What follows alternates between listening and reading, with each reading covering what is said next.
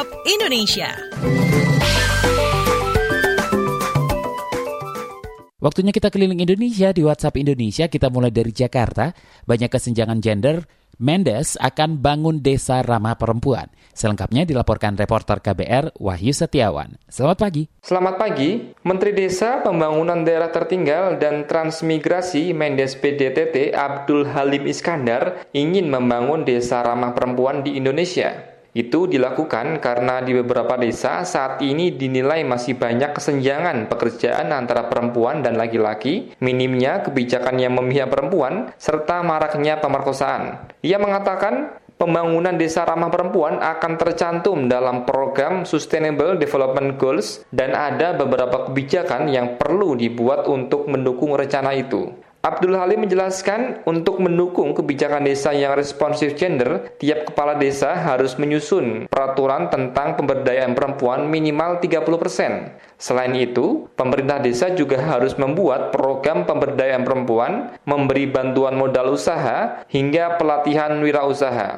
Arahan tersebut pun telah disampaikan ke semua kepala desa. Realisasi kebijakan tersebut akan dimasukkan dalam rencana anggaran desa tahun 2021.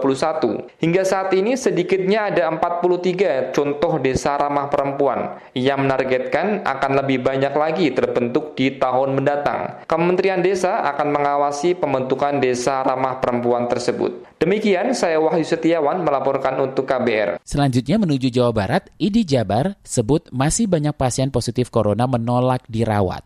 Kita simak kontributor KBR Ari Nugraha. Selamat pagi. Selamat pagi. Ikatan Dokter Indonesia Jawa Barat menyebut masih banyak pasien positif COVID-19 yang menolak dirawat di instalasi kesehatan. Ketua Ikatan Dokter Indonesia Jawa Barat, Eka Mulyana mencontohkan, kasus terakhir penolakan pasien terkonfirmasi COVID-19 untuk dirawat terjadi di salah satu kabupaten di Jawa Barat pada dua pekan lalu. Eka meminta pemerintah agar kembali menggencarkan sosialisasi edukasi soal pencegahan paparan penyakit akibat virus corona di masyarakat. Kata Eka, dengan mengikuti perawatan di instalasi kesehatan, pasien COVID-19 juga ikut membantu mencegah meluasnya COVID-19. Eka menambahkan, pemerintah juga telah menyediakan banyak tempat untuk merawat pasien COVID-19.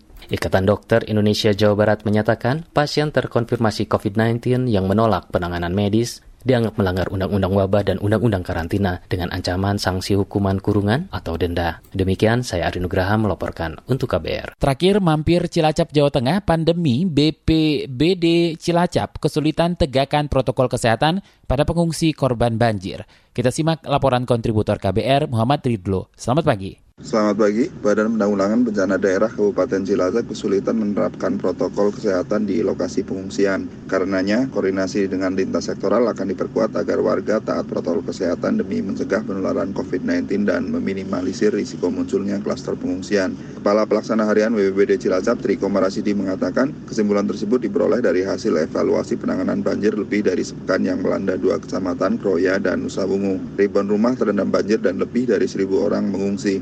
Kata dia, meski BPBD dan pihak lain sudah menyediakan pengungsian lebih luas dan lebih banyak dari biasanya, namun warga membandel dan enggan tinggal di pengungsian terpisah. Kebanyakan warga lebih memilih mengungsi di tempat yang sama dengan tetangganya, meski dalam kondisi lebih sempit. Menurut Tri, ke depan BPBD akan mengintensifkan koordinasi dengan TNI dan Polri agar warga mau ditempatkan di lokasi pengungsian terpisah. BPBD juga akan menyiapkan lokasi pengungsian dua kali lipat dari biasanya dengan kapasitas per unit lebih besar. Pasalnya, dalam situasi pandemi COVID-19, kapasitas pengungsian hanya bisa diisi 50% dari kondisi normal.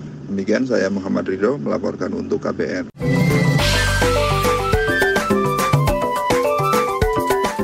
WhatsApp Indonesia.